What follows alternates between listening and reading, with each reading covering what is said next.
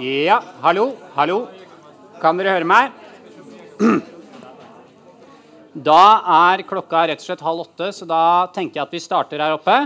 Eh, velkommen til Litteraturhuset i Trondheim, hvor vi i dag skal diskutere kjønn og kvotering i filosofihistorien. Eh, og spør hvor langt kan vi gå for å kvotere virkeligheten. Mitt navn er Jo Skårderud. Jeg er journalist i avisen Klassekampen. Og jeg skal lede oss gjennom eh, kveldens diskusjon. Dette, denne diskusjonen den blir tatt opp eh, for opptak til eh, og skal sendes på NRK P2 om en uke, et par uker. Eh, det eh, gir oss et par sånne tekniske ting vi må ta hensyn til. Eh, så da trenger vi bitte lite grann eh, hjelp fra dere. Så bare, nå bare går jeg veldig sånn enkelt gjennom hvordan vi kommer til å gjøre opplegget. og Hvis ingen har noen ville protester, så, så gjør vi det sånn som jeg foreslår. Det er den, det er den beste metoden. Eh, det vi gjør nå, er at eh, vi kommer til å ønske velkommen en gang til. Først så kommer dere til å klappe ved at jeg gjør sånn, og så klapper dere ifølge NRK i tre til fire sekunder. Eh, som er en fin start på en radiosending. Så tar jeg hele denne 'Velkommen hit', introduserer kveldens tema igjen. Og så snakker vi her oppe i ifølge NRK 55 eh, minutter og 30 sekunder ideelt. Eh, og så, etter det, så er vi ferdig med hele opptaksbiten. Da har vi hatt samtalen her.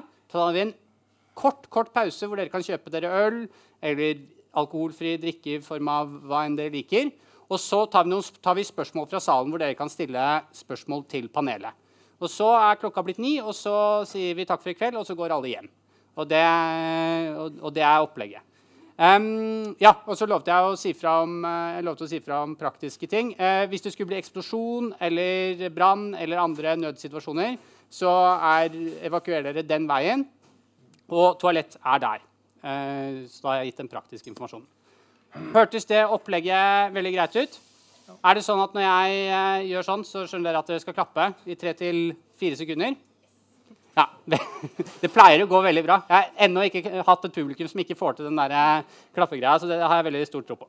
Ok, Supert. Men da tar vi bare og starter eh, programmet offisielt. Gi meg ett sekund her. Ja.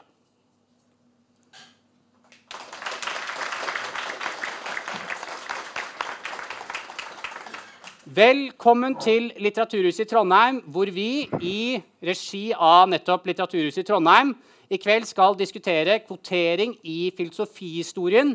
Og vi spør hvor langt kan vi kvotere virkeligheten?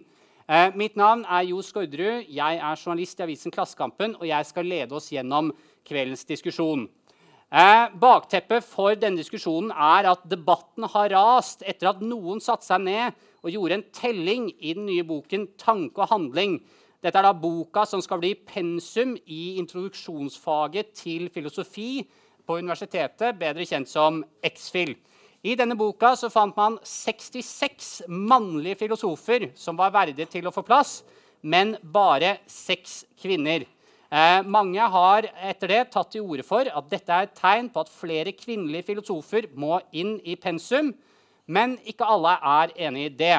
Skal man fortelle en filosofihistorie til studentene, så må den først og fremst være sann, uttalte førsteamanuensis Øyvind Eikrem, som mener at kjønnsbalanse i filosofifaget er en fremmed standard.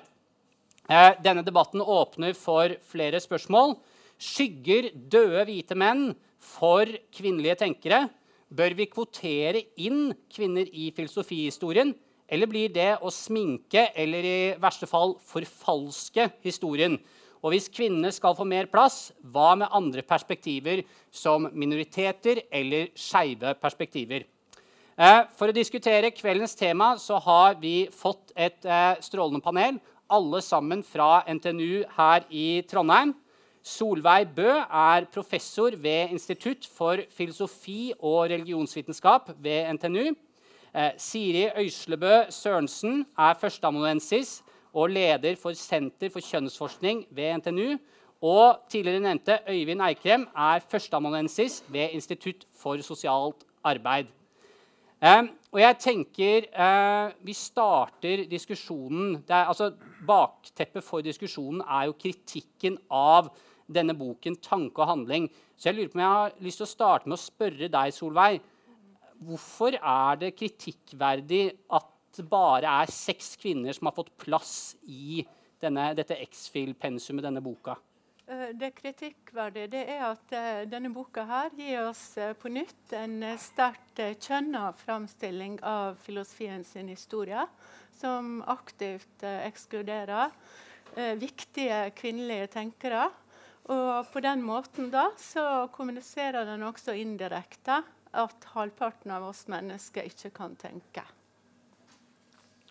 Ok. Siri, hva tenker du? Jeg føler litt samme tankegang. Og jeg tenker også at her, den skeive fordelinga der på en måte bidrar til å opprettholde mensdominans i et fag som vi vet er veldig mannsdominert. Uh, og et fag som uh, X-FIL, som skal være et dannelsesfag for alle våre studenter, må være relevant for alle våre studenter. Og da tenker jeg at flere stemmer må inn. Uh, og kvinner burde ha en naturlig stor plass i det pensumet. Øyunn Eikrem, du har jo bl.a. I, i Klassekampen vært eh, uenig i at det er et stort problem dette her med den, at det er få kvinner i denne boka. Hva, hva tenker du? Altså Det å utpakke innholdet i det her det bruker vi kanskje en time på i kveld. Så det er ikke lett sagt. Men, men min, min, reaksjon når Klassekampen ringte, var jo det at man bruker kriterier som ikke er hjemmehørende i filosofien tradisjonelt sett. Altså argumentasjon, den universelle samtalen, fornuften råder. Og I stedet skal man se på kjønn og bruke det som en standard for hvem som skal inkluderes og ikke inkluderes. Eh, og eh, Det er en annen måte å tenke rundt filosofihistorien på. Eh, og så, eh, når jeg snakket med Klassekampen, så refererte jeg da til undersøkelser som har sett på referanselitteratur innenfor ulike fag, deriblant filosofi. Og hvis man tar den litteraturen på alvor, så kanskje det peker i motsatt retning av at kvinner ikke er underrepresenterte i denne boken, gitt da sitt bidrag historisk. Så du mener at, at, at seks kvinner rett og slett kan være en overrepresentasjon av, av, kvinner? Tja, altså Det er jo et åpent spørsmål. Altså Det å forutsette balanse, den metaforen der er veldig eh, Det er uklart egentlig hva man mener med det. for det, synes nærmest å forutsette at du gjør en distinksjon på kjønn. Og så skal begge kjønn falle innenfor 50% eller noe tilsvarende med tanke på hvordan de har bidratt til et bestemt felt. Og vi vet ganske mye om, om kvin, kvinner og menn, hvordan kvinner og menn er like, og hvordan de er forskjellige fra hverandre. og det er veldig merkelig sett fra min synsvinkel at man skal anta at innenfor filosofi så har kjønnene bidratt gjennom historien 50% hver.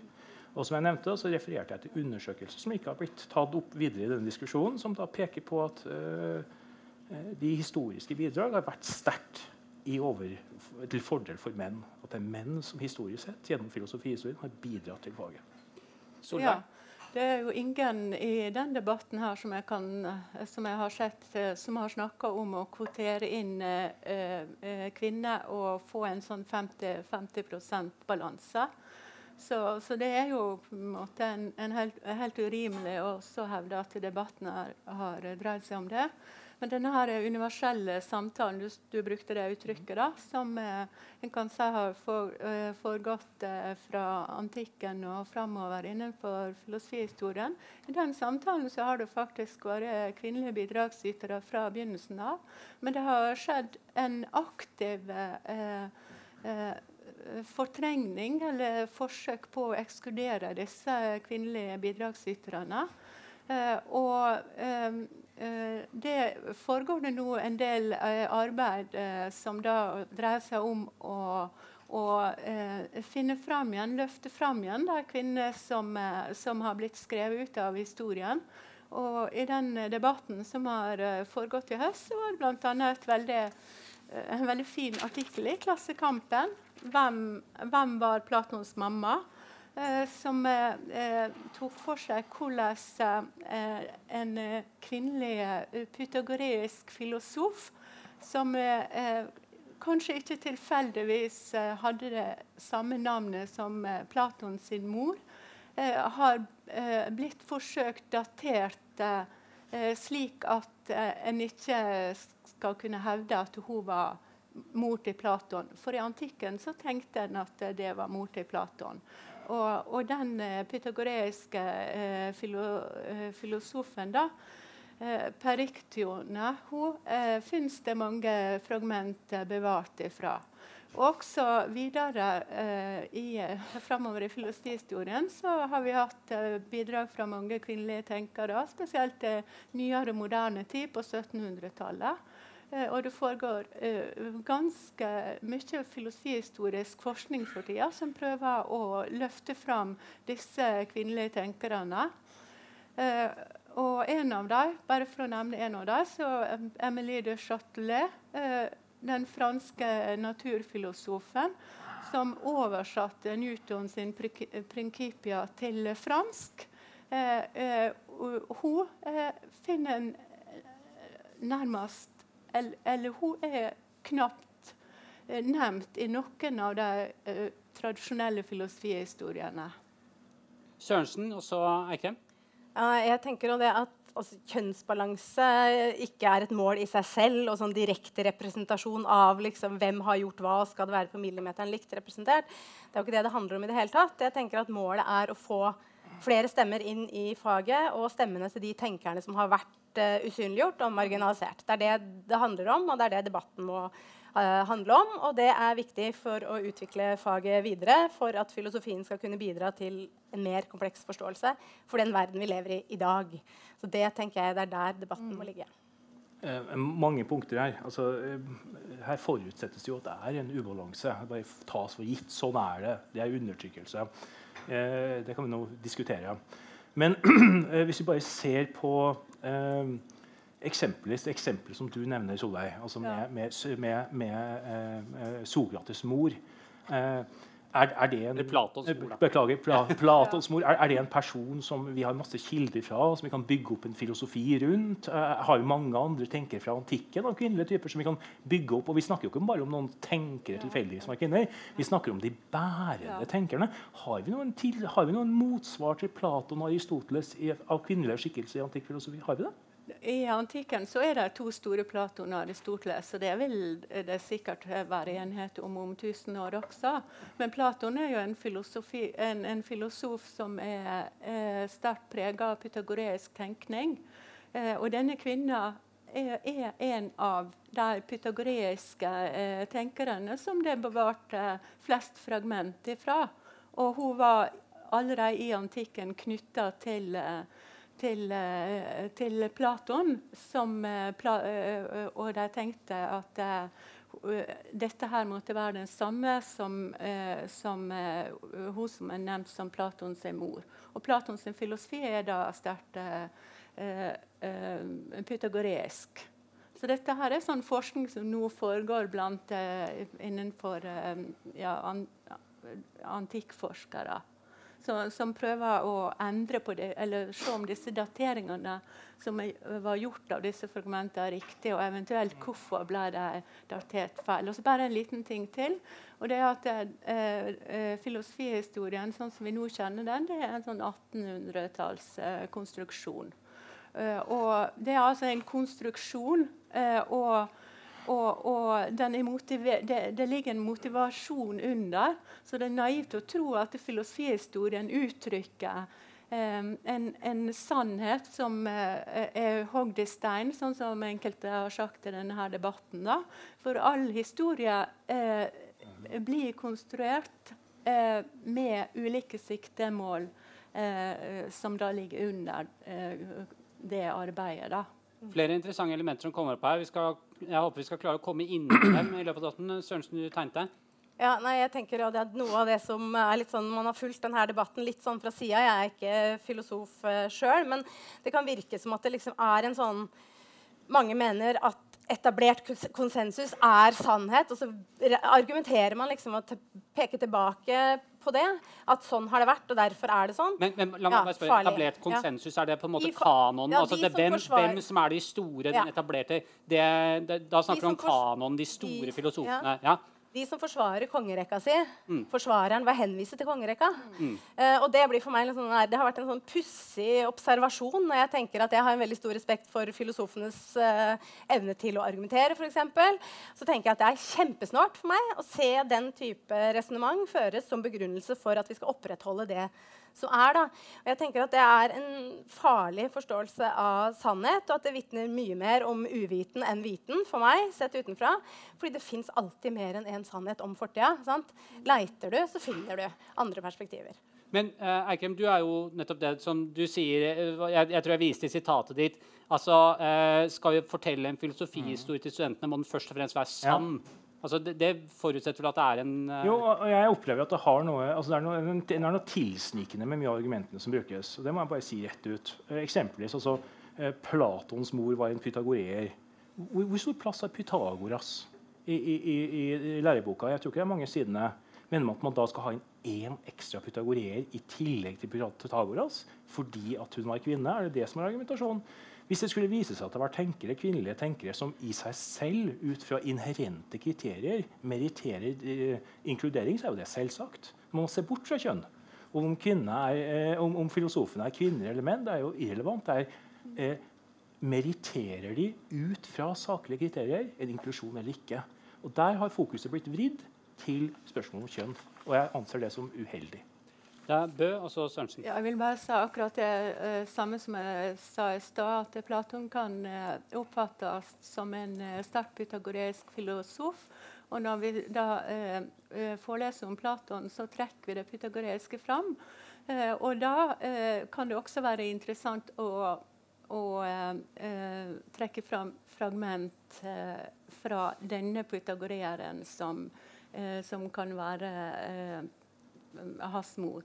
Og, og, når det gjelder andre, andre av disse uh, store filosofene da, som, som uh, i antikken uh, er menn, og, og senere også er menn, så er det interessant også å, å se på hvordan tankene deres ble møtt i samtida. Og da er det interessant nok at da er det interessant at en del av de intellektuelle som reagerer på tankene eh, til disse filosofene, nettopp er kvinner, og at de eh, har viktige innvendinger som, som, går rett inn i kjernen av eh, filosofien. Og bare nevne, nevne Descartes, som folk som har lest X-Fill-bøker, vet at han dro til Stockholm, og der fikk han uheldigvis lungebetennelse på slottet til, eh, til Kristina eh, Vasa. Altså dronningen? Dronning ja, Kristina Vasa? Ja. ja.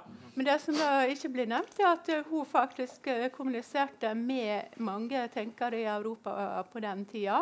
Ikke bare Descartes. og tok han til Stockholm fordi hun ønska å etablere Stockholm som, som Nordens Aten og ønsker å, diskut, ønsker å, diskutere eh, med han. Og hun er også interessant eh, pga. at du snakker om andre, å trekke inn andre eh, perspektiv enn kjønnsperspektivet. For hun var det vi eh, vil kunne kalle en skeiv person. Hun hadde en sånn uklar kjønnsidentitet, kledde seg som en mann, sa fra seg trona. og mm. ble katolikk og reiste til Roma og ble akseptert gjennom den spesielle mm. måten hun hun uh, uttrykte seg på. Vi skal komme tilbake til hvilke kanskje kvinnelige tenkere som har blitt, uh, blitt uh, eventuelt satt i skyggen. Men, mm. men først Sørensen, og så Eikrem.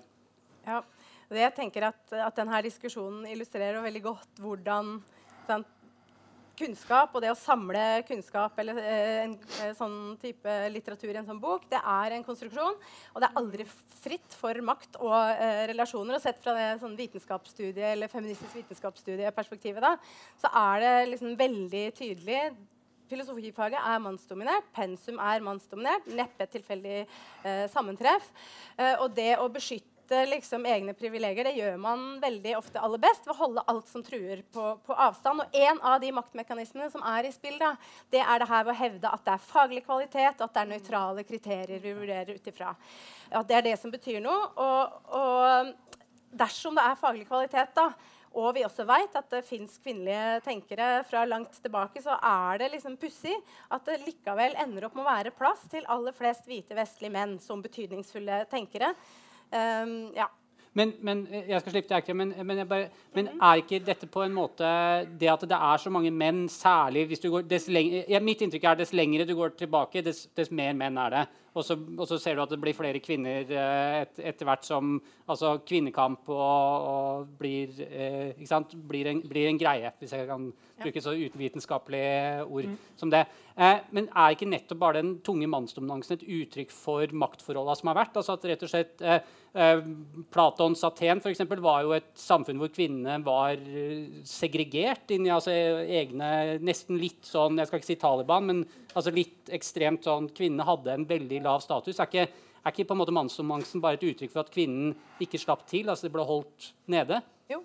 Jeg tenker det, det er nettopp det det er et uttrykk for. Og det er ingen grunn til at vi skal drive og reprodusere det nå. Det er jo hele, hele problemet. At vi fortsetter å ekskludere grupper som har vært eh, marginalisert, vært holdt utenfor, ved å argumentere med å peke på at sånn har det vært. Ja, jeg, jeg, jeg skjønner, men, ja. men, poenget mitt var kanskje ja. bare at eh, at de dermed kvinner ikke har blitt tillatt på en måte å være store filosofer. og at det dermed Grunnen til at du ikke finner store filosofer, var at det var ikke en rolle kvinner fikk lov til å ha. og der, Det er derfor vi sliter med å finne dem. hvis du skjønner Unnskyld, nå, ja. nå, nå, tar jeg eh, Eikrem eh, jo, altså, bare, bare sånne enkle spørsmål siden vi, at vi snakker om førsteokratikerne her. Altså Hvis man har bladd i disse fragmentsamlingene Deals Krans osv., hvor stor andel av de fragmentene vi har, her fra kvinnelige filosofer? Jeg tror den er veldig beskjeden.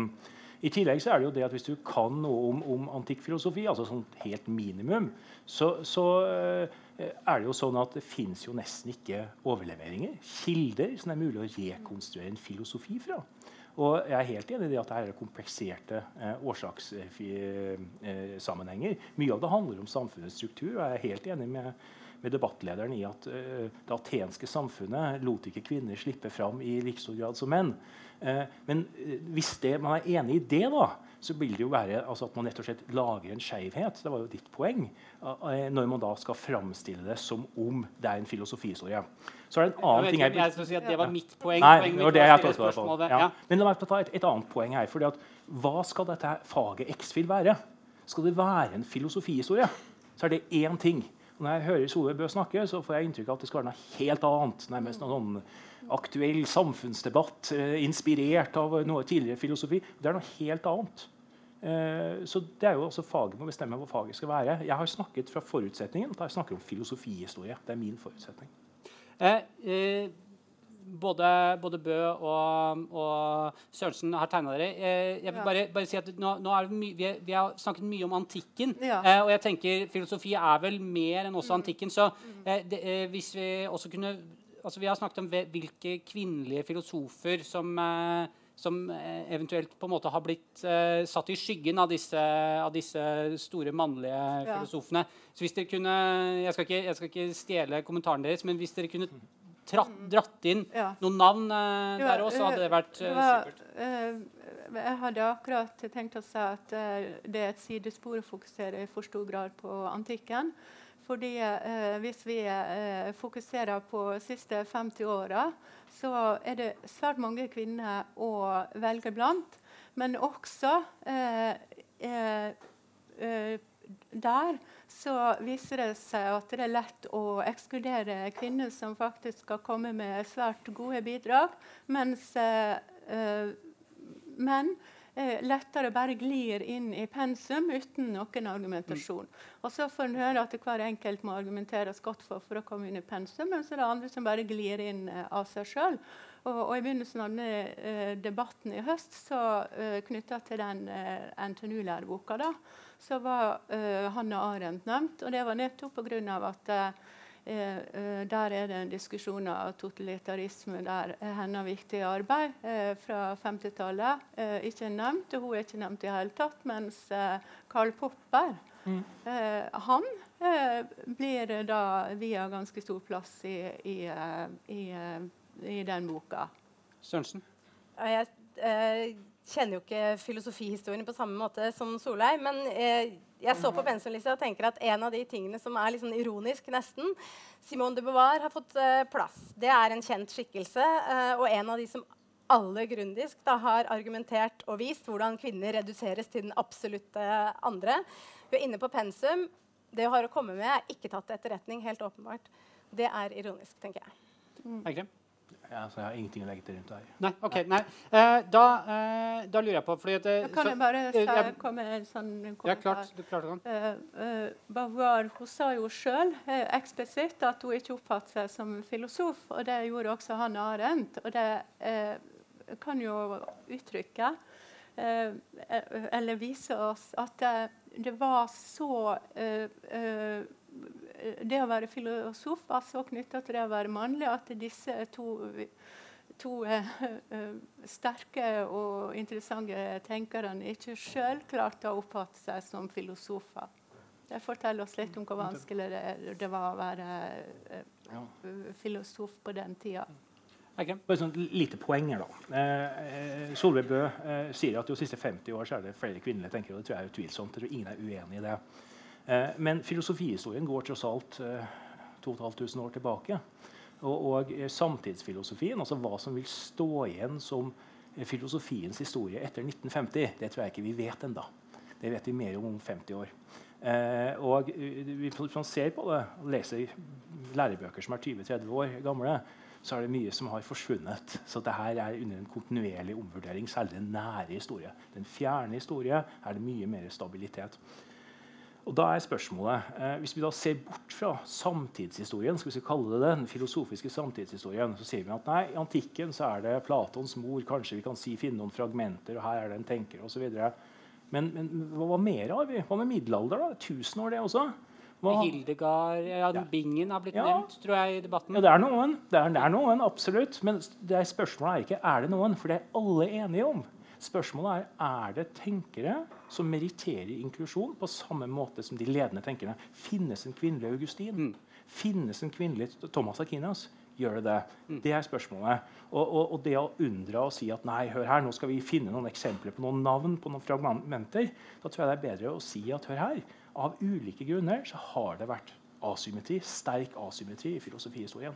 Så den erkjennelsen den eh, sitter tydeligvis langt inne, men jeg syns den burde komme. Da tar vi Sørensen og så Bø. Ja, jeg tenker at det er liksom eh, Jeg hører hva du sier, eh, og det er for meg ikke noen sånn motsetning mellom å fortelle en faghistoriefortelling om at sånn har det vært, disse stemmene har dominert, og, og sånn, og samtidig faktisk, og jeg synes det er på sin plass, å leite fram de stemmene og perspektivene som representerer noe, noe annet, ut fra det vi i dag forstår som relevant. Jeg tenker at jeg klarer ikke å være med på den forståelsen av at historien skal ligge dønn fast. For det gjør den heller aldri. Og når du sier at nei, vi veit ikke hva framtida vil si om vår tid nå Vi er med på å skape vår tid nå, både med måten vi forstår fortid på, og måten vi tar det med oss framover. Og det kan man ikke fri seg fra. Ikke engang ved å henvise til at sånn var, det eneste vi vet om antikken, var sånn. Jeg tenker at det, Vi har et større ansvar enn som så da, i å forvalte fag. Men, men Sørensen mener at det er strukturer nå som er med altså i, da, da tenker jeg ikke på i, liksom, i gamle, men i dagens filosofifag som gjør at på en måte kvinner får en mindre, mindre plass enn en de burde ha? Ja, absolutt. Og det er helt tydelig. Det er, altså hvis du ser på denne debatten om, om filosofipensum, da, eh, der de som forsvarer eh, kanon og det som er etablert Hvis du ser på hvem det er som forsvarer det, så er det en konsensus om menn skapt av menn. Så selvfølgelig er det med på å, å, å fortsette å sementere denne Er det et argument? Hva er det et argument for? Det Eh, Vi skal, vi til, nå tar vi Bø, og så tar vi, argument Eikrem. Ja, eh, bare en ting angående middelalderen. At det er i et innføringsemne i eh, eh, filosofi og, og kritisk tenkning som X-file, så har jo middelalderen knapp plass. Og middelalderen har en knapp plass i fagstudium i filosofi også. Det, den er for spesielt interesserte. Så det som er interessant, er hva som eh, hva som blir valgt ut i forhold til de eh, problemene som vi diskuterer i dag.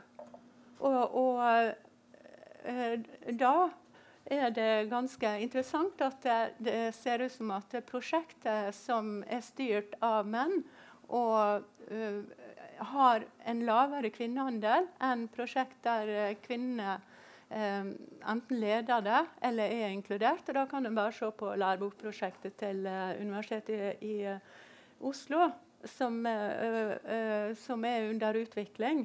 Eh, der de trekker inn en, eh, et ganske stort antall forfattere. Jeg husker ikke hvor mange, men en tredjedel av forfatterne i lærebokprosjektet er. Eh, og Ingvild Thorsen, da, som er leder for, for Exfil i Oslo, er kvinne. Og jeg tror ikke at det er tilfeldig at prosjektet til Universitetet i Oslo får en høyere kvinneandel i pensum enn det prosjektet som er utvikla her ved NTNU. Men vet du hvor mye høyere kvinneandel det er snakk om? Fordi her har vi en kvinneandel på 8,3 ja, i denne boka. Hvor mye har de 8,3% det, det er jo av det, av det laveste. Uh, og jeg tror de kan komme seg opp på 20 Men jeg bare tok med en bok. Jeg har lyst til å illustrere. Ja, nå husker at vi er på radio. Ja. Altså. Oh, ja, nei da. Men iallfall det fins innføringsbøker i filosofi som har kommet ut i uh, 2018, som har en kvinneandel på opp mot uh, 30% og det er veldig høyt. Da kan en begynne å snakke om at, at, at det foregår en kvotering. Men eh, en mellomting mellom 8 og 30 er fullt mulig. Eh, og som sagt, det ser ut som at når kvinner er involvert i prosjekter, så går eh, kvinneandelen opp eh, uten at en reflekterer over det. Okay. Jo, altså jeg vil tilbake til det poenget, altså som, som det argumentet eller hva enn det er, som anføres om at jo, det er menn som sier slik og slik. Altså, hva, hva er det et argument for? Skal jeg svare på det? Ja, gjør det, ja, det er egentlig ikke et argument, det er mer en betraktning, en analyse av debatten. tenker jeg. At det er veldig tydelig at stemmer som kommer inn og på en eller annen måte utfordrer det etablerte. Altså det, her, det, her, ser vi på mange fagfelt. Filosofien er jo ikke, men, men, men faglige hierarkier og forståelser av øh, øh, hva som er den beste, den mest legitime kunnskapen, det er noe vi skaper og gjenskaper hele, øh, hele tida. Når man sitter i en privilegert posisjon, så er det veldig veldig vanskelig å se verden fra andre perspektiver. Og man er veldig interessert i å opprettholde det og beskytte det. Og det ser vi jo veldig veldig tydelig i denne debatten. Så det er ikke et argument, det er en betraktning, en analyse av debatten. Mm. Og det som foregår. Og den opprettholdelsen av et sånt uh, uh, ja. Men, men, hva, så du, du, du syns ikke det er nødvendig å gå inn i substansen i det, altså å betrakte det? At man skal heller eh, si at nei, kvinner mener det, menn mener det.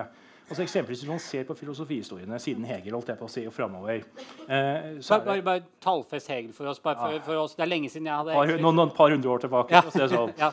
um, og, og, så er det, altså det er veldig stor grad av overlapp på mye av det som er skrevet. Det er unntak og det er trender. Ser man på 20 år gamle bøker, så var det andre som er inkludert. Eksempelvis Freud eh, var en stor del i, i, i Anfinn Stigens lærebok, som jeg studerte når jeg tok X-Fail. Det er helt borte i dag, nesten. ikke sant? Så du, du har funnet den type trender også.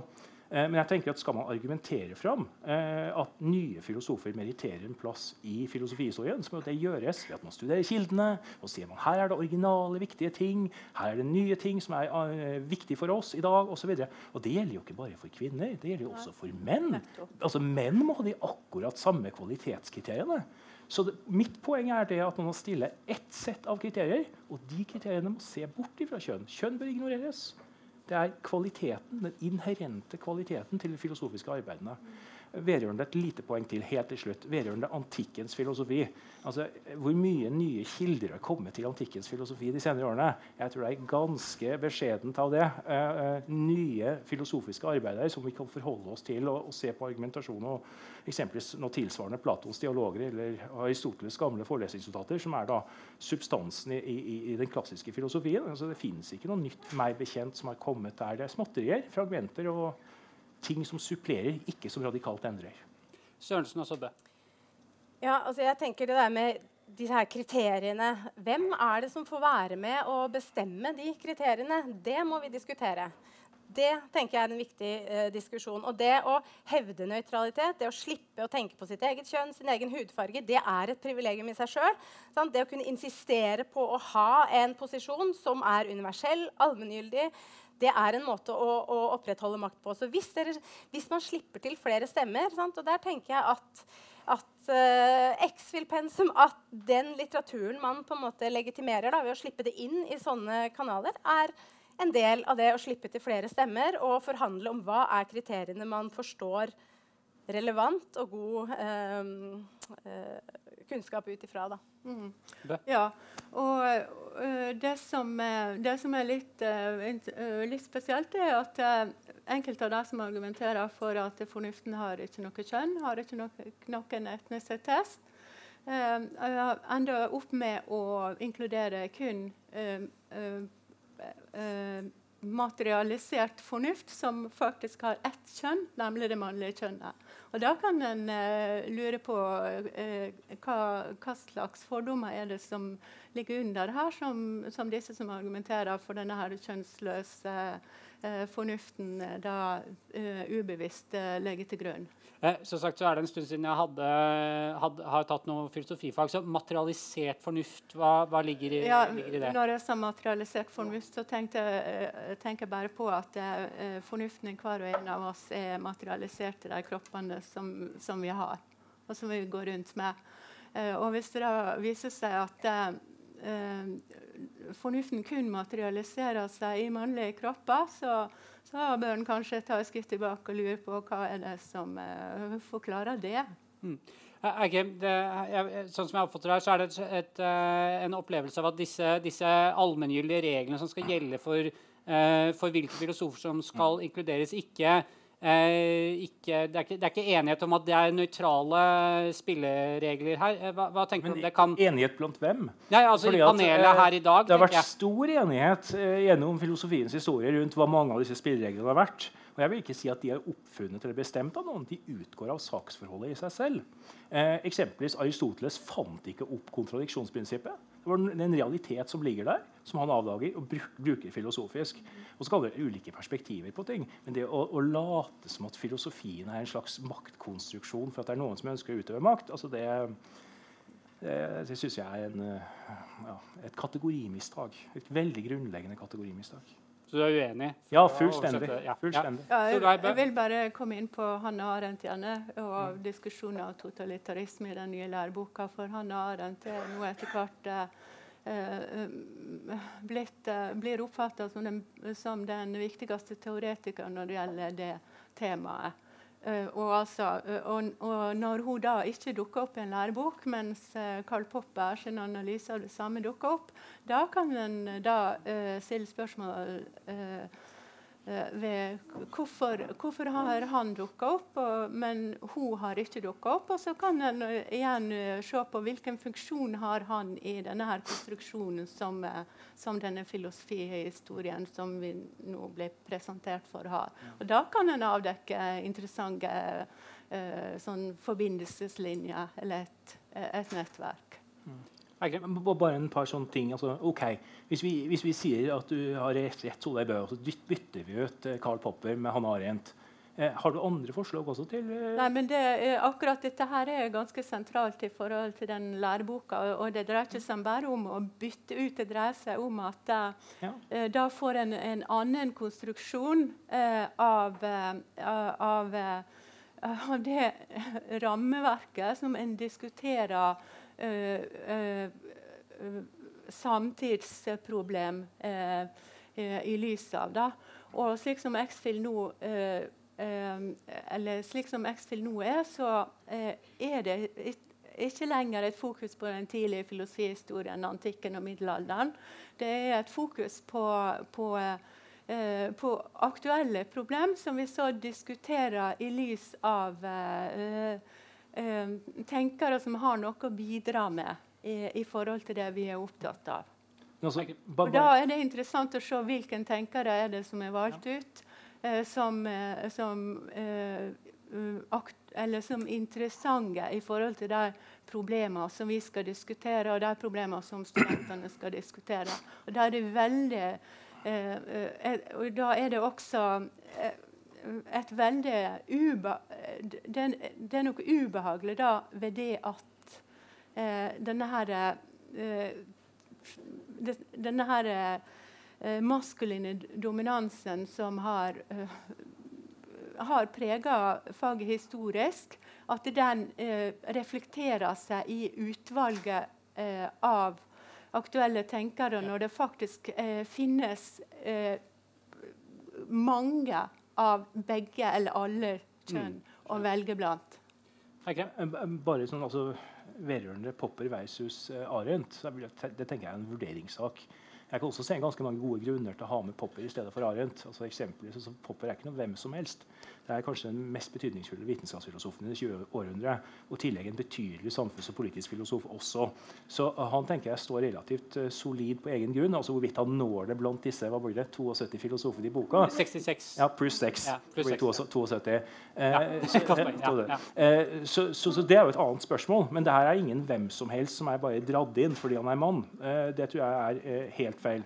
Så det her blir en vurderingssak. altså Forfattere vil vurdere det her ulikt. og så er jo spørsmålet altså, Ved NTNU så er det jo sånn at mange er, driver med naturvitenskapelige fag, medisin osv. Da tenker jeg kanskje tja, kanskje Popper er mer egnet enn Arendt. Men det er en vurderingssak. Men, men du virker veldig fornøyd med denne, med denne kongerekka. Er Ser du ikke på en måte noen eh, som kanskje kunne fått litt mindre plass til fordel for uh... Jeg, jeg tenker at Det er et så interessant spørsmål, og et spørsmål som bør besvares så grundig, at jeg hadde jo satt pris på om noen hadde satt seg ned, eh, konsultert litteraturen og laget et skikkelig arbeid som tar det der opp på en grundig måte. Og Jeg har jo referert til en empirisk studie hvor det da er en amerikaner som har satt seg ned og sett på referanselitteratur.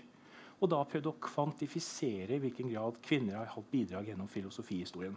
Og da snakker vi fra, jeg holdt på å si, fra Thales eh, i Lille-Asia fram til eh, våre dager. Og da ser du også det, det veksler mellom perioder. Men eh, eh, konklusjonen der er jo at kvinners bidrag til filosofisyn er mindre da enn disse 6 av 72. Ja. og så- Ja. Eh, Bare en kommentar til Popper. Det er ikke snakk om at er Popper som vitenskapsfilosof skal ut av pensum og Popper sitt falsifikasjonsprinsipp. Det er ikke det som skal ut, men det, her er det eh, Popper som, som politisk eh, eh, filosof som har blitt dratt inn uten argumentasjon. Eh, Og, og eh, eh, Popper som politisk filosof han eh, er, har ikke den tyngden som Popper som vitenskapsfilosof uh, har. En, et interessant poeng der er forresten at uh, Popper han uh, eh, eh, som eh, eh, politisk filosof eh, gir et ganske skeivt bilde av nettopp de tenkerne som er opptatt av eh, eh, eh, av at eh, fornuften er historisk konstituert, slik som Hegel og Marx. Han, han, han vil fjerne Hegel og Marx direkte ved hjelp av sitt falsifikasjonsprinsipp. Ja, eh, jeg blir liksom fascinert av den her stadig sånn tilbakevendende til sånn bidrag til historien, og vi kan, at det skal gjenspeiles helt sånn riktig. Hvis X-Fil skal være et dannelsesfag med relevans i dag, så tenker jeg at det er litt sånn Det blir helt feil for meg å tenke at vi skal bare gjenspeile nøyaktig det som har, uh, har vært. Og jeg tenker at al altså, det å stivne i en sånn form er uheldig. da. Det er et fag. Vi skal kjøre alle studentene våre gjennom. De skal jobbe på forskjellige felt i forskjellige fag. Skal ut og delta i samfunnsdebatten og være en del av et samfunn som er ganske komplekst. Eh, jeg tenker at De må ha så mange perspektiver og så mange relevante perspektiver som mulig med seg inn for at vi skal få til noe bra her i verden. Excel er viktig. Men, uh, men her kommer vi inn på dette her med et mangfold av perspektiver. For at det, I dag så har vi hovedsakelig fokusert på den debatten som har fokusert rundt kjønn. Men, eh, men eh, både her i Norge og i resten av verden så er jo ikke kjønn det eneste, det eneste perspektivet som folk mener ikke synes i, i filosofifag og andre fag. Det er jo eh, altså, så man kan jo spørre at Hvis man tenker at her er det, vi må få inn flere kvinnelige eh, perspektiver, altså flere kvinnelige tenkere. Hva, hva med, med et mangfoldsperspektiv? Burde vi ha et krav om at vi skal ha inn en viss andel en, nå, nå tar ikke dere til orde for et spesifikt eh, bestemt, men at man skal ha inn flere eh, som representerer etnisk mangfold. Skal vi ha inn de skeive perspektivene? Altså, man kan tenke seg alltid, Etter hvert som man utvider, kan man alltid tenke seg nye eh, perspektiver som skal eh, inkluderes. Klasseperspektivet. Er det nok arbeidertenkere blant disse, denne kongerekka? Det var i hvert fall ikke så mange av dem i Aten som, eh, som jobba hardt for føden. Altså, eh, så spørsmålet mitt er på en måte, er det andre perspektiver som, som bør inkluderes, som eh, tvinger seg fram? Eikrem? Ja, altså Hvis de mediterer inkludering, absolutt. Eh, Men spørsmålet er om de gjør det. Eh, og det her er jo ikke noen ny debatt. det som vi snakker om i dag. Altså, for noen år tilbake, et par tiår, par tiår, så var det jo en som het Bernal som skrev en bok også om at eh, egentlig så var vestlig filosofi bare et produkt av påvirkning fra Asia og Afrika. Og da er spørsmålet Hvor mye står igjen av den boka i dag? etter man har gått gjennom og vurdert det. Og det her er jo ting som er politisk drevet. Politisk drevet er tidens, tidens idoler. Nå handler det om at alle skal med, osv. Det får man jo bare drive på med politisk. Men jeg prøver å holde hardt på de eh, kriteriene som filosofihistorien eh, bør basere seg på. Altså de som eh, eh, er de rimelige kriteriene gitt hva filosofifaget er. Mm. Og, og eh, Da må man ta hensyn til nye perspektiver. Mangfold er utmerket, men det er ikke noe vits med mangfold med feiltagelser. Eller personer som ikke tilfører noe. Spørsmålet er om meritterer det inkludering. Og det gjelder jo alle fag. Det er ikke noe vits å drive og inkludere ting som ikke, ikke bidrar til faglig verdi. Sørensen og så Ja. Eh, jeg, at, jeg antar at vi er fryktelig uenige om hva som bidrar til faglig verdi. For jeg tenker, eh, og Det har jeg jo argumentert for før denne eh, av X-FIL. Jeg tenker at Er det noe av det aller viktigste vi kan lære unge folk i dag, så er det å tenke kritisk. Og For å gjøre det så må du ha et bredt spekter av verktøy å tenke med. Så da, man, da må man gi dem eh, flere perspektiver. Og Jeg tenker at, altså, jeg vil jo aller helst at et fag som X-FIL skulle ha hatt en sånn stille spørsmål ved de helt Hva anerkjennes som kunnskap? Hvordan inngår kunnskap i, i, maktsystemer og den type Jeg skjønner at det er ganske langt unna uh, mye av det andre her vil, men det, det, skulle jeg ønske meg. Og da måtte man ha tatt inn andre tenkere som kommer fra andre ståsteder, og som har med seg annen, andre perspektiver inn. Mm. Men, men ville du Uh, fordi X-FIL-faget har jo vært gjennom flere runder med nedskalering. Det pleide jo å være et fag uh, For 100 år siden så var det et fag som gikk over tre semestre. Så var det et fag som gikk over ett semester, og nå er det et fag som går over eh, en tredjedel av et semester i mesteparten av Norge og en fjerdedel av et semester i, i, Trondheim. Så det begynner å bli ganske trangt i dette X-Field-faget. Og da, da, lurer jeg på denne kongerekka. Er det på en måte Vil du kaste den på båten og tenke at ungene klarer seg uten Aristoteles, eller, eller eh, sånn som er liksom mitt mareritt, at de skulle klare seg uten Karl Marx, f.eks. En stor tenker som alle burde lese. Nei, det, nå, nå la jeg føringer for Karl Marx-dekninga. Det må du ikke, ikke ta hensyn til det. Ja.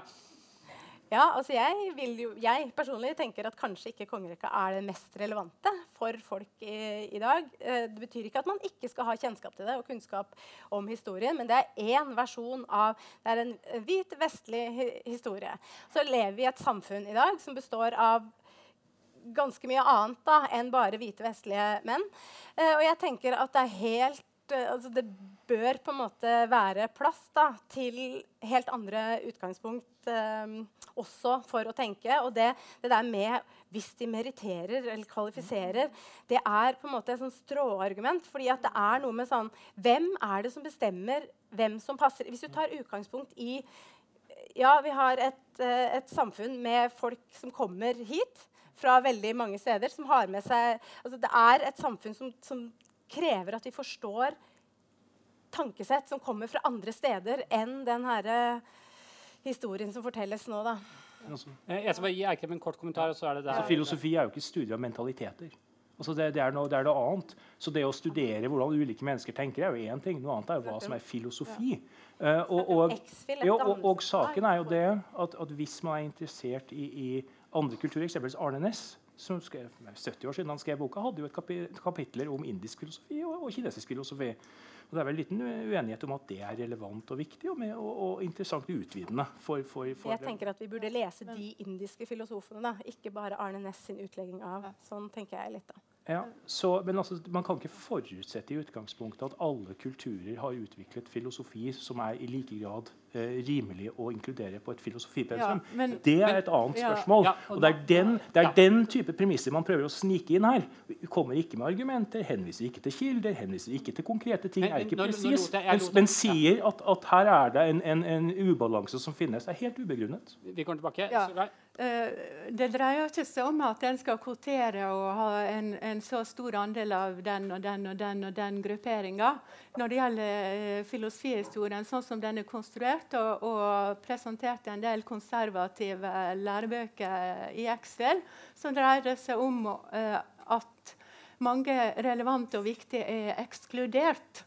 Eh, og da er det interessant hvem er det som har ekskludert disse, disse relevante svært viktige tenkerne i forhold til det å forstå situasjonen vi er i i dag. I forhold til å, å forstå forholdet eh, vårt til naturen, til samfunnet, til hvordan eh, framtida skal utvikle seg. Og hvem er det da som har ekskludert eh, viktige tenkere som har en, en eh, sentral plass i den diskusjonen. Hvorfor er de ikke med? Det er det det dreier seg om. Det dreier ikke seg om at en skal senke kvalitetskravene for å få inn den og den og den og den og den gruppa. Skjønner, men fordi Nå føler jeg at vi nå, nå kommer vi opp mot en, en debatt som uh, En større debatt som handler om Som har fått navnet avkolonialisering av akademia.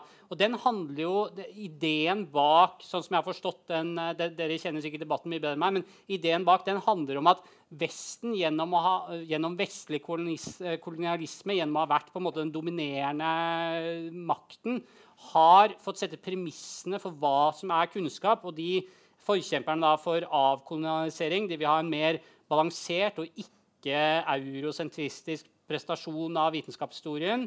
Eh, og de er også eh, opptatt av en, mer, eh, en, en, justering av kanon og pensum som skal inkludere da tenkerne, justere kanon opp hvor man på en måte visker ut armen fra kolonialismen. Er ikke, det, er ikke, dette det landskapet vi har beveget oss litt inn i her nå?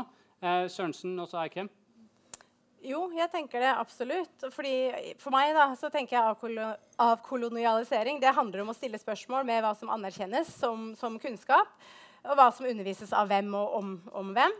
Um, og så tenker jeg også at denne debatten er litt sånn låst. òg, fordi at den her, hele denne eh, avkolonialiseringsprosessen da, forutsetter eller krever at de som er i privilegerte posisjoner, de som eier sannheten, eh, erkjenner og forstår at man er en del av problemet og er en del av å opprettholde eh, problemet. Så før vi liksom knekker den, så er det vanskelig å komme videre. Og som jeg sa i stad, det å liksom innta en sånn posisjon der man slipper å tenke på eh, hvem man er som kjønn. og som, altså, Man er eh, universell og har de nøytrale kriteriene.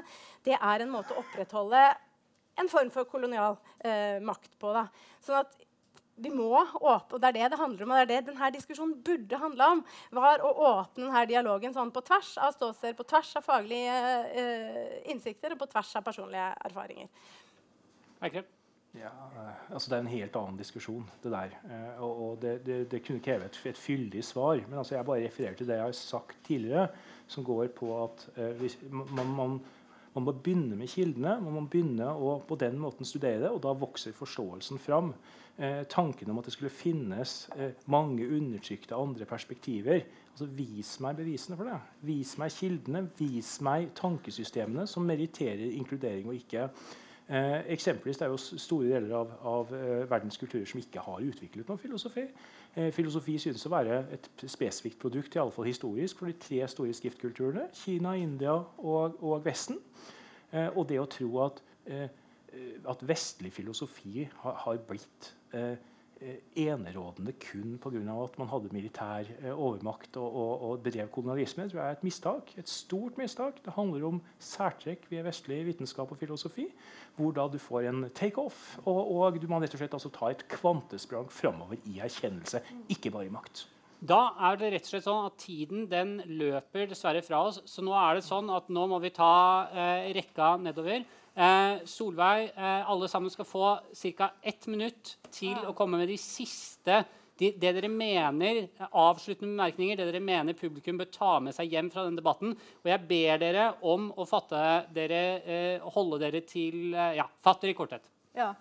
Uh, uh, det som, det som jeg syns er viktig, det er å forstå at filosofihistorien er en konstruksjon, og den er ikke skrevet i stein.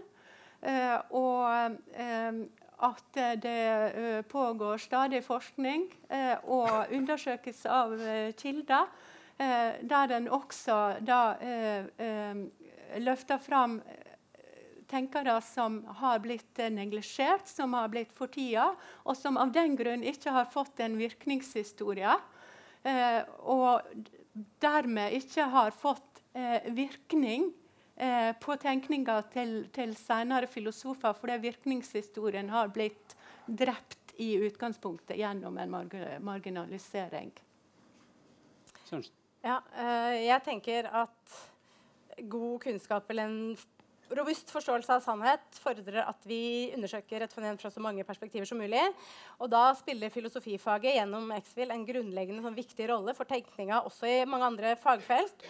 Eh, og alle studentene våre skal gjennom det faget, og dermed er det så utrolig viktig at faget tar opp i seg da, et mangfold av perspektiver og ikke tviholder på en sånn kongerekke og kanon kun fordi det er etablert konsensus.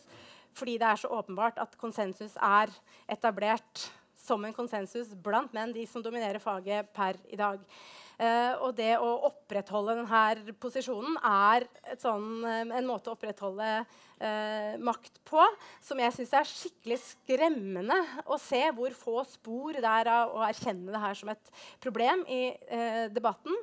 og det er uheldig og farlig ikke bare for filosofifaget, men for akademisk kunnskapsproduksjon, for studentene. Vi trenger et mangfold av perspektiver. Okay. Ja, altså Jeg kan bare være et ekko for det jeg sa til Klassekampen i det opprinnelige intervjuet. altså at uh, Hvis man skal skrive en, en, en, filosofihistorie, så må den være sann. og Da må man begynne med, med kildene og rekonstruere derfra. Og Selvsagt så vil det være utvikling i kunnskapen. Man vil uh, vurdere ting ulikt. Hvilke tenkere er mest betydningsfulle? Hvilke snakker til oss dypest i vår tid? altså Hvilke ting gir en gjenklang? Så det er et aspekt der opplagt. Og så vil det jo være en ny kunnskap som erverves osv. Men det her må jo uh, drives av erkjennelse internt blant kompetente personer. Min opplevelse av det som foregår nå, øh, i både denne kjønnsdebatten og denne kolonialiseringsdebatten av kolonialiseringsdebatten, er at det er politisk påtrykk som ønsker av politiske grunner til å få gjennomført ting.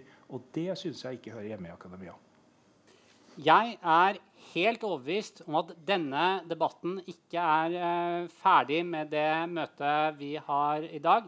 Eh, det er mange, mange spørsmål om, eh, om eh, maktstrukturer, politisering og, og, sånne ting som vi blir nødt til å diskutere videre senere.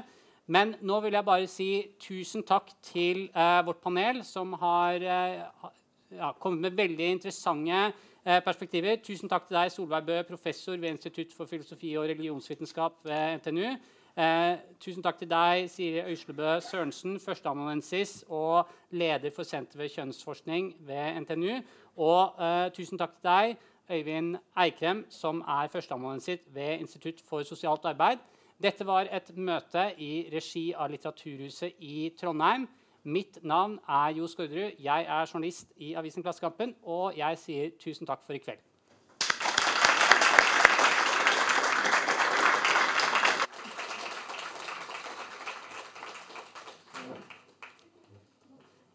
Der avslutter vi med fire sekunder eh, til gode. Så nå kommer NRK til å bli Ja, se her. Eh, hørte dere? Nå ble, nå ble, NRK veldig, veldig fornøyd med oss. Da tenker jeg vi tar en eh, fem minutter lang pause. Og så kommer vi tilbake hit, og da er det hele resten av møtet er egentlig viet spørsmål fra dere. Eh, jeg har ikke lagt noen plan utover det, så jeg håper at det er noen av dere som har spørsmål. Hvis ikke så må vi bare gå hjem. OK, skal vi se. Kan dere høre meg? Da tror jeg vi har hatt en sånn ca. fem minutter lang pause. Så har jeg lovet å si at Sellanrå, altså stedet vi er på, de er nå åpne til 11 om eh, kvelden. Så hvis man har lyst til å bli her etter møtet, så er det bare å gjøre det.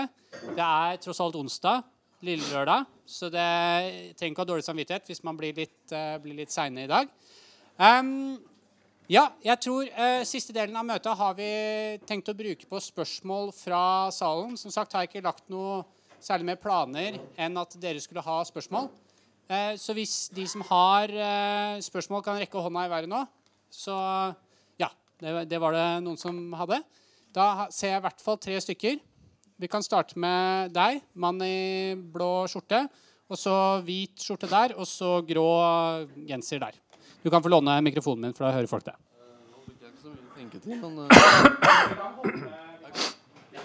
Da gir vi deg litt uh, tenketid, og så hopper vi rett til uh, dame i hvit skjorte. Uh, mitt spørsmål går på det her med politikkens betydning, og sånn sett også da maktens betydning. Eh, fordi jeg bemerka at eh, du, Eikrem, du eh, var lite interessert i å snakke om maktens betydning for konstruksjonen av historien. Men du var til gjengjeld interessert i å snakke om politikkens betydning og politiseringen av kunnskap i dag. Og da blir jeg litt nysgjerrig på hvordan det er du får, sånn, Tenker du at kunnskap ikke har vært politisert tidligere? men at det er i dag makten kommer inn, og blir, liksom, politikken blir viktig. Vær så god, Eikrim. Skal jeg si noe? Hele, vi åpner for hele panelet. Altså, det finnes jo en rekke teorier om, om sammenhengene mellom eh, makt og kunnskap. og Flere av de er jo inkludert i denne boka. F.eks. Foucault er det et eget kapittel om, og Marx er et kapittel om. og finnes mange andre. Så jeg har ingen påstand om at det er kun i vår tid at politikken eh, spiller en rolle innenfor kunnskapsproduksjon. Eh, tvert imot. Men det har nok variert seg sterkt gjennom historien. At eh, I perioder så har enkelte former for maktutøvelse vært mye mer bundet opp mot, mot kunnskapsproduksjon enn andre. Det finnes masse interessante arbeider her som en kan se på. Men eh, og dette er kanskje ny informasjon for mange som ikke har studert filosofi og, og jobber med det, er at eh, Eksempelvis da, med tanke på antikken, tusenårig historie filosofihistorie, tusenårig år middelalderen. Det er begrenset hva vi har av kilder. Og da rekonstruerer man historien opp fra der og. Det er tradisjonsbundet. Så deler av det er mer sånn hva skal jeg si, konsensusfortellinger eh, som har blitt bygd opp gjennom tiden. Eh, er dette bundet sammen med makt? Ja, det vil jeg anta. Men spørsmålet er hvor interessant den innfallsvinkelen er for å belyse spørsmålet. Filosofien har jo vært mer interessert i den motsatte innfallsvinkelen, nemlig at det er en form for universell samtale, hvor man prøver å se bort fra personene som kommer med, med, med, med uh, utsagnet, og heller fokusere på innholdet i utsagnet og fokusere på argumentene.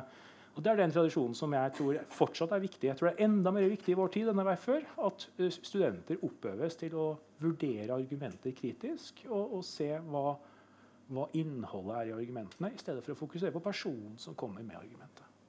Så det er det svaret jeg kan gi deg. Sørensen? Ja, jeg tenker... Da, nå, nå, nå, er vi ferdig med NRK, så nå trenger vi ikke etternavnet. så da bare gjør vi det sånn Siri og Solveig. Ja, det er bra. Jeg tenker at, at akkurat det spørsmålet her da bringer oss liksom til kjernen av der debatten burde ligge. faktisk. Fordi at det, at det går an å liksom bare parkere det spørsmålet som at det filosofien er opptatt av, er en universell forståelse, det er så innmari politisk i seg sjøl, sånn som jeg ser det. Sant? Og det å, det å, referere til etablert uh, konsensus kanon som om det er en nøytral standard Jeg ser ikke på det sånn. Da. Jeg tenker at det er en superpolitisk standard, på en måte. da. Sånn at det å drive og, og reinvaske seg for den, det tenker jeg er liksom ja, jeg er ikke med på den. rett og slett. Jeg tenker at Det er viktig at vi tar den debatten om hva er det som bidrar til å opprettholde det her. Og Da, er, da må man se på det òg, Som en type sånn uh, Kall det politisk aktivitet. I hvert fall noe som inneholder makt. Mm. Ja, jeg er enig i det. Og angående det å se bort fra personene og, så heller uh, fokusere på innholdet alene, så er, er noe av problemet at en del av personene som har levert innhold som er viktig i forhold til uh, debatten og i forhold til, til å, å, å, utvikle menneskekulturen. At de personene har blitt uh, neglisjert. har blitt uh, tida i hjel, sånn at deres bidrag ikke har fått lov å, å, bli en del av Eller ikke har fått en virkningshistorie, og dermed ikke har fått lov å bidra Eh, til, eh, til kunnskapsutviklinga. Og nå foregår det heldigvis en del forskning eh, som dreier seg om å løfte dem fram igjen, som jeg har sagt nå mange ganger. Og på den måten så vil innholdet til disse personene som har blitt marginalisert, igjen eh, komme, eh, få bidra til den uh, evige samtalen, for å, å, bruke en floskel uh, om, uh, som filosofien er. Jeg tenker også at Litt av problemet ligger i, også i det at vi da reduserer det til liksom personene som kommer. Så det liksom, fins ingen mellomting mellom den universelle, allmenngyldige, tilfeldigvis hvite mannen og alle personene med sine liksom, spesifikke og ikke-relevante perspektiver her. Og det er liksom, Sånn kan vi ikke fortsette å ha debatten. Det, den må eh, åpnes, sånn at vi kan liksom, snakke om hva det er som foregår. Så kan man sidestille perspektiver, så kan man ta inn flere kunnskapsformer. Sant?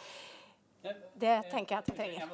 Hva, hva mener du med flere kunnskapsformer? Altså vi har en sånn der uh, veldig sterk tro på rasjonalitet. For eksempel, den måten vi er lært opp til å tenke hele uh, Alle vi som har gått på skole og tatt utdannelse ved vestlige universiteter, har lært oss hva det er som gjelder. på en måte Rasjonell kunnskap, eh, evidens og bevis. Og er, og jeg skjønner også veldig godt argumentet med at vi må gå til kildene. Vi kan ikke ta andre eh, hensyn. Og så kan man, eh, kan man, stille spørsmål ved om det er de eneste kriteriene vi skal vurdere kunnskap ut ifra.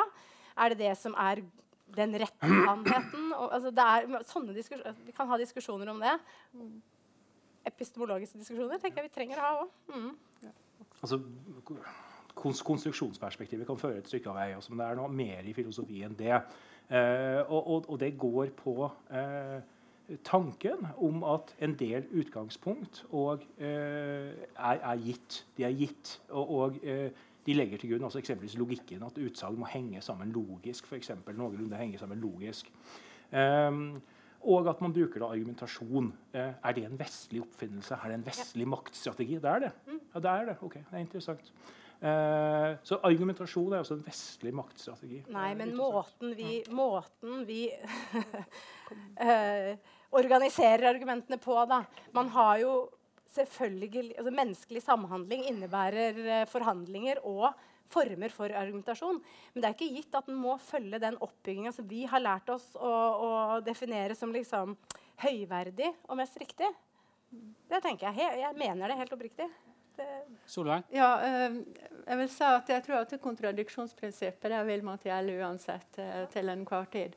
Men eh, rasjonalitetsbegrepet eh, er, jo også konstruert, og det er ulike måter å, å utforme et begrep om rasjonalitet på. Og ikke minst uh, spenninga mellom rasjonalitet på den ene sida og irrasjonalitet på den andre sida. Så det er ikke sånn at det er gitt uh, at det er en viss uh, måte å konstruere rasjonalitet på som vi fikk i Europa etter opplysningstida. At det uh, den fornuften med stor F som så, som, som så ble etablert, at det er den, den, ene og riktige måten å, å oppfatte rasjonalitet på. Uh, uh, du må bare snike inn, snike inn en kommentar til det ja. uh, i svaret ditt til det neste spørsmålet. For vi må bare passe okay. på at, passe på at alle får lov til å stille spørsmål. Da var det deg. Vær så god. Um, jeg kan jo si med det samme at jeg er ex.phil.student. Har vært igjen dette semesteret nå. Um, og er filosofistudent i tillegg på bachelor. Mm. Mitt spørsmål er at man føler vi ja, Hvordan skal jeg få, få treffe saken, da? Eh, hva, hva, nøyaktig er det vi vil ha, ha som utfall? Hvilke er, er, det Jeg til på om det er, er det eh, Snakker man om vil man ha, For det er et argument som går på at man har ikke nok filosofistudenter som er kvinnelige. Mm. Eh, er, det, er, det, bakgrunnen, eller er det, er det kvalitet skal til det, eller er det, eller er det bare um, eh, representasjons Hvilken av motivene er det nøyaktig? Ja. Og så det, for det er spørsmål altså ting som Representasjon automatisk gir kvalitet, om det begrunnes. Og noe annet jeg lurer på, er i humanvitenskapene, for det er snakk om et maktforhold. Mye av samtalen ble spurt om til, til makt. Eh, da er jeg også spørsmål Når man snakker om Eller ikke et spørsmål, men hvordan kan man forklare da i, i eh, fag som psykologi mm. Eh, så er det nå stor dominans av kvinner. Mm. Altså, hvis du historisk ser tilbake på forskning, så er det like mannsdominert som filosofi. Nå er det nesten ingen menn igjen i de mm. fagene. I humanvitenskapen er det 60% kvinner. Jeg er en minoritet på Dragvoll. Hvis vi skal begynne å snakke maktkamp mm. den dag i dag samtidsmessig, på hvilket nivå? Ja, fordi det er interessante, interessante perspektiver her. Det var et litt sånn åpent spørsmål som tok eh, forskjellige perspektiver. Så svar, svar på det, det dere føler, og så, så ser vi om han er fornøyd når dere har svart. Ja. Skal vi se, Vi kan starte med deg, da. Ja. Nei, eh, Siri. Unnskyld.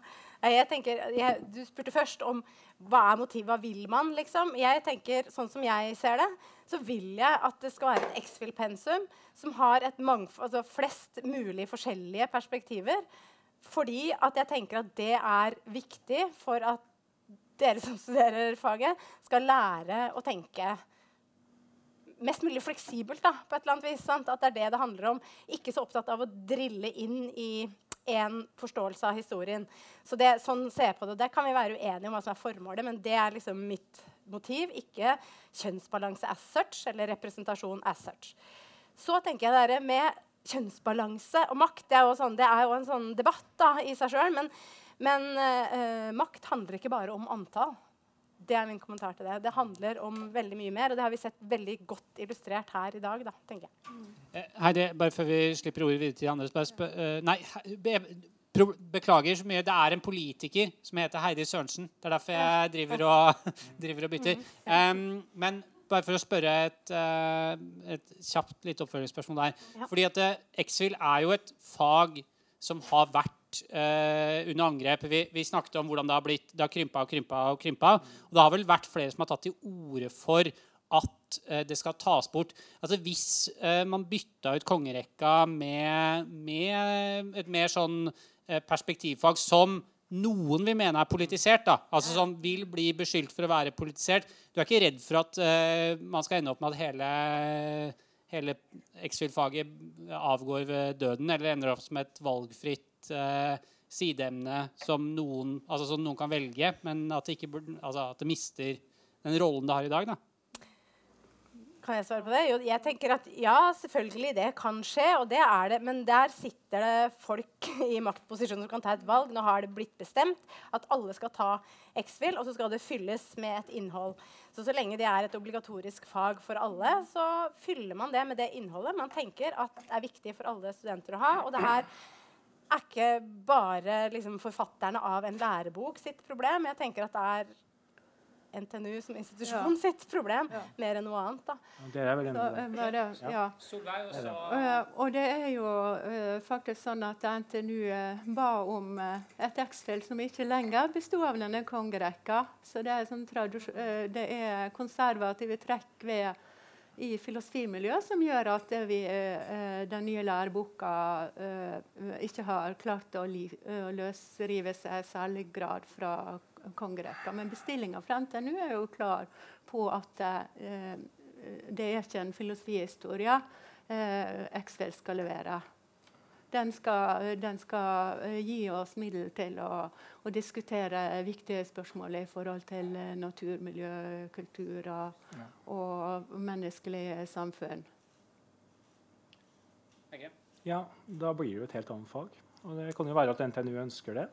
Eh, og, og da får nå bare det være som det er. Eh, men da blir det et helt annet fag. Og da er diskusjonen om hvilke filosofer som meriterer inkludering hvor i filosofistudien, helt sånn. Det er helt på side, Et lite øyeblikk, vær så snill. Eh, eh, og, og, eh, så, så her må vi, ting må henge sammen på et eller annet vis. Altså, hvis man først sier, snakker om filosofistudien, så må vi holde oss til det. Da må vi ikke snakke om vi skal endre faget. Så, så det er utgangspunktet her. og så tenker jeg altså Dette med mangfold det er jo et sånt fantastisk ord som skal slenge ut og har verdi i seg selv osv. Men poenget må vel være sannhet.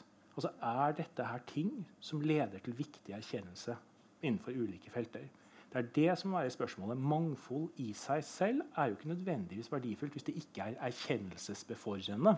Akkurat som det å endre på posisjonene. Og Jeg vil bare følge opp poenget til, eh, til studenten som stilte spørsmålet. og så er jeg jo helt enig med deg. Og Det er en sånn vanlig maktstrategi. Man framstiller seg som om man er avantgarde og mindretall. og I realiteten så er det eh, er ikke sinte, gamle, hvite menn som sitter med makten ved NTNU. altså. Det er det ikke. Sørensen, Abbe? Nei, jeg, jeg tenker at, at uh, Jeg merker at vi kanskje kommer til å Ja, slite med ja. og det Ja, okay. ni, klokka ni. Det er kjempebra. jeg skal ha kort, men, men jeg tenker at det er liksom det her, hele greia her nå illustrerer så innmari godt. fordi man skulle lage et fag som var noe nytt, som lærer studenter å tenke kritisk, eller gir dem verktøy til å ta fatt i de store spørsmålene da, som handler om forhold, natur, kultur, alt sånt her.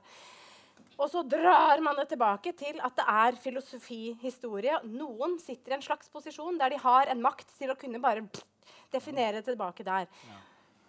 Interessant. Og så tenker jeg, og den herre det, her, det, med å tenke nye måter å erkjenne verden på da. Jeg mener at det bør vi, uh, og NTNU og dagens uh, studenter ta ganske Det er helt åpenbart når vi ser rundt i verden i dag, da, det er et ekstremt behov for litt nye innfallsvinkler til ganske mye. Mm. Ja. Eh, jeg er helt enig i det. Og uh, samtidig så vil det være sånn at uh, filosofer fra antikk og middelalder fortsatt vil være relevante. Men ikke ja. fordi det er historiske skikkelser, men fordi det er viktige ting å bidra med i forhold til de diskusjonene vi er opptatt av i dag.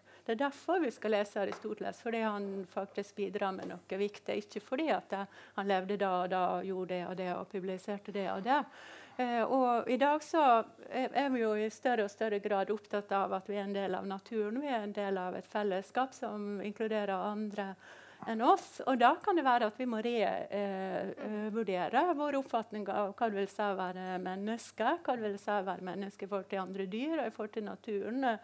Eh, og da er ikke det gitt at det er disse filosofene som opererer med en fornuft med stor F, som ikke er materialisert i en kropp, en fornuft som nærmest blir som et sånn guddommelig intellekt, som er det beste å ty til eh, i forhold til å forstå eh, eh, vår, vår plass i naturen og i samfunnet.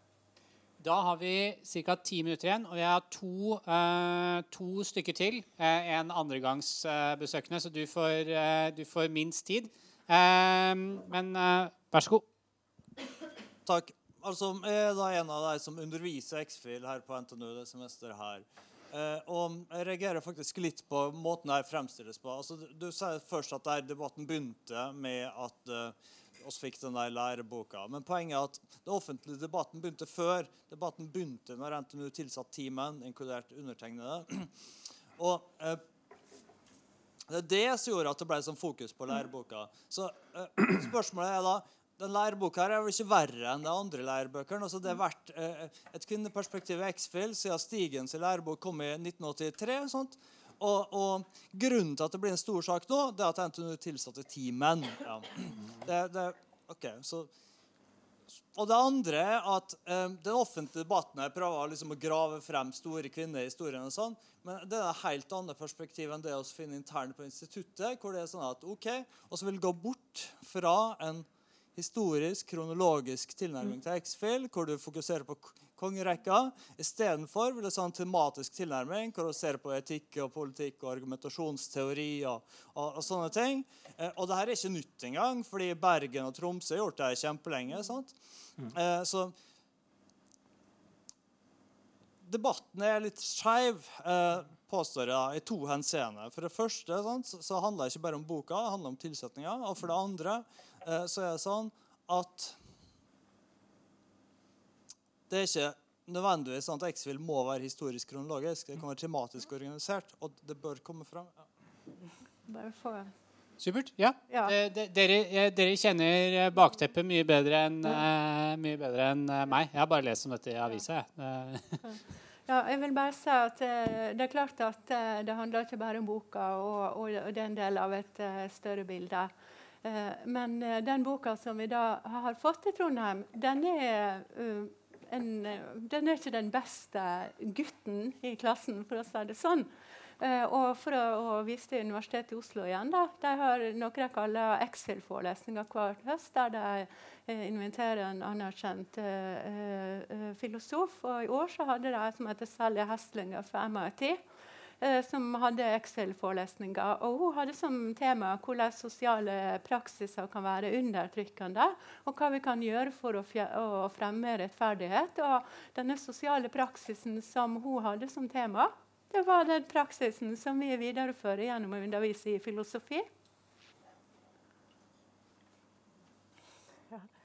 Jeg, jeg, jeg, jeg, skulle ønske jeg kunne hatt mer debatt om det her utgangspunktet i tematikker. da. Fordi det blir en helt annen for meg i hvert fall, en helt annen debatt. For da kan man diskutere helt sånn seriøst hva slags perspektiver er relevante uh, å ta inn, og fra hvilke tidsepoker, og med hvilke konsepter, og med hvilke liksom ja, Jeg er ikke filosof, så jeg snakker sikkert ikke rett fagspråk, men sånn med hvilke perspektiver da, inn for å tenke om et fenomen eller et tema eller et problem.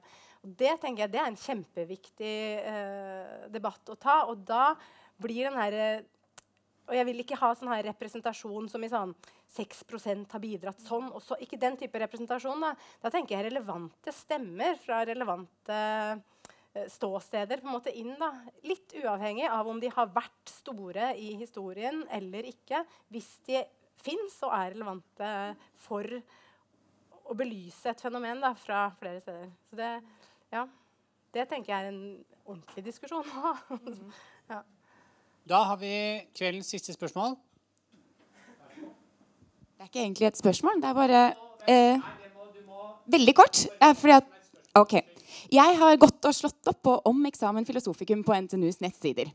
Fordi eh, jeg beit meg merke at det var litt eh, disputt i panelet om hvorvidt dette var et historie, filosofihistoriefag eller noe annet. Eh, om emnet står det 'Hva er kunnskap?' Hvilke kunnskapskilder er pålitelige? Hva kjennetegner vitenskapelig kunnskap?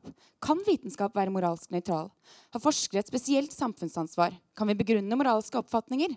Hvilke målestokker bør vi i så fall bruke? Dette er noen av de sentrale spørsmålene i eksamen filosofikum. Jeg tenker at det er et poeng å snakke om hva slags fag vi snakker om, istedenfor at vi hele tiden trekker opp argumentet om filosofihistorien. Jeg må si til deg, da. For det er du som har gjort det. Jeg tenker at Det er veldig imponerende at de tenker at man skal svare på alle de spørsmålene på 7,5 studiepoeng. Men, uh... Så er det ingen som er uenig i det her. nei, men Altså, det, er, det er jo bare en presisering av hva faginnholdet har vært, og, og, og, og noen suppleringer av det. Så, så øh, ja, det er ikke noe uenighet i det. Men altså, altså, hvorvidt du finner en liten sak på en nettside og skal liksom gjøre det til det mest sentrale Et, et øyeblikk når du brukte av tre ganger. altså, Jeg syns det ikke sømmer seg. Eh, Ja, et øyeblikk Hva er det her for noe? vi, vi trenger ikke, å- vi trenger ikke å dra er det advokatene inn i det, tenker jeg. Nei, nei altså, det, det, men, eh, men Ja. poenget er vel Det at er de, var sinte, lite er de sinte hvite menn som kommer fram nå og skal bryte av? Er det de sinte hvite menn som kommer frem og skal bryte av? da? Nei, altså Poenget er det at hvis man, hvis man vet noe om X-Fill, så, så er det jo mye mer innhold der enn enn det som lar seg uh, uttrykke på noen små setninger på en webside. Og ingenting der står i motsetning til det jeg har sagt. Og så er det ulike syn. Hvordan skal man legge opp undervisningen? Og det er jo, har jo framgått av alle avisartiklene. Så jeg vet ikke om det er, det er ikke noe vits å svare på det her utover det som er sagt, tenker jeg. Ikke fra min side. Andre kommentarer avslutningsvis? Rest my case. Jeg tenker, ja. Da tenker jeg vi sier, da. ja, men Da tenker jeg vi sier eh, tusen takk til panelet. Det har vært kjempespennende å høre på dere. Veldig flott eh, med aktive meningsutvekslinger. Tusen takk til publikum. Eh, tusen takk til Litteraturhuset i Trondheim som eh, arrangerte dette møtet. Og takk for meg, Jo Skårderud fra avisen Klassekampen. Abonner på Klassekampen, Norges beste avis. OK. ha det.